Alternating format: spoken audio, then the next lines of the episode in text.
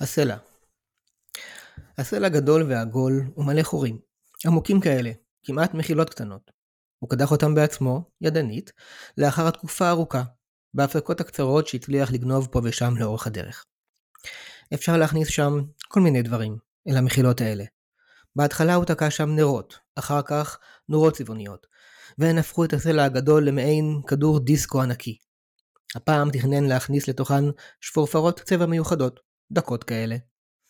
הוא עצר מעט לפני שהגיע לפסגה, איזן את הסלע על אבן גדולה שמצא בצד השביל, ושלף את שפורפרות הצבע. הוא פתח אותן בזהירות, והשחיל אותן אחת אחת אל תוך מחילות האבן הקטנות. זה לקח כמה דקות, והסלע כמעט ונפל, אבל הוא תפס אותו בזמן. לבסוף, לקח נשימה עמוקה, הזיז את האבן, והמשיך לדחוף את הסלע מאמץ את שריריו, סקרן לדעת איך זה ייראה הפעם. כשהגיע לפסגה, שמט את הסלע, כמעט בכוונה, והוא התחיל להתגלגל למטה. הצבעים שבשפופרות מדוללים בדיוק במידה שתאפשר להם להיות מותזים לכל הכיוונים, וזה מרהיב. לאור השמש השוקעת, הוא עמד והסתכל על המחזה בחדווה, אדום, ירוק, כחול, ורוד, הצבעים פרצו החוצה, מתרוממים באוויר, בזמן שהסלע דילג למטה, מקפץ, והשביל כולו הפך לכאוס מצויר. לנחל צבעוני שזולג במורד. הוא פרץ בצחוק גדול, פרס ידיו ורץ במורד ההר בשביל הזה שנוצר.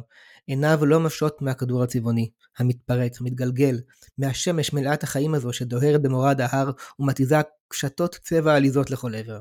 הופכת את כל ההר לג'ימבורי גדול. כשהסלע הגיע לתחתית ההר, ונעצר, הוא נראה כמו כדור משחק פסיכדלי שהאלים משתעשעים בו אחרי שהם חוזרים מהגן.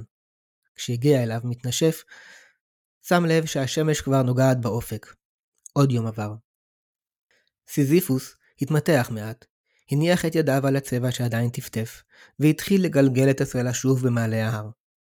עד הפעם הבאה שהגיע לפסגה, כבר בטח יהיה לילה. הוא חייך לעצמו, כבר לא יכול לחכות. הפעם הוא יתקע בחורים זיקוקים צבעוניים. זה יהיה מטורף.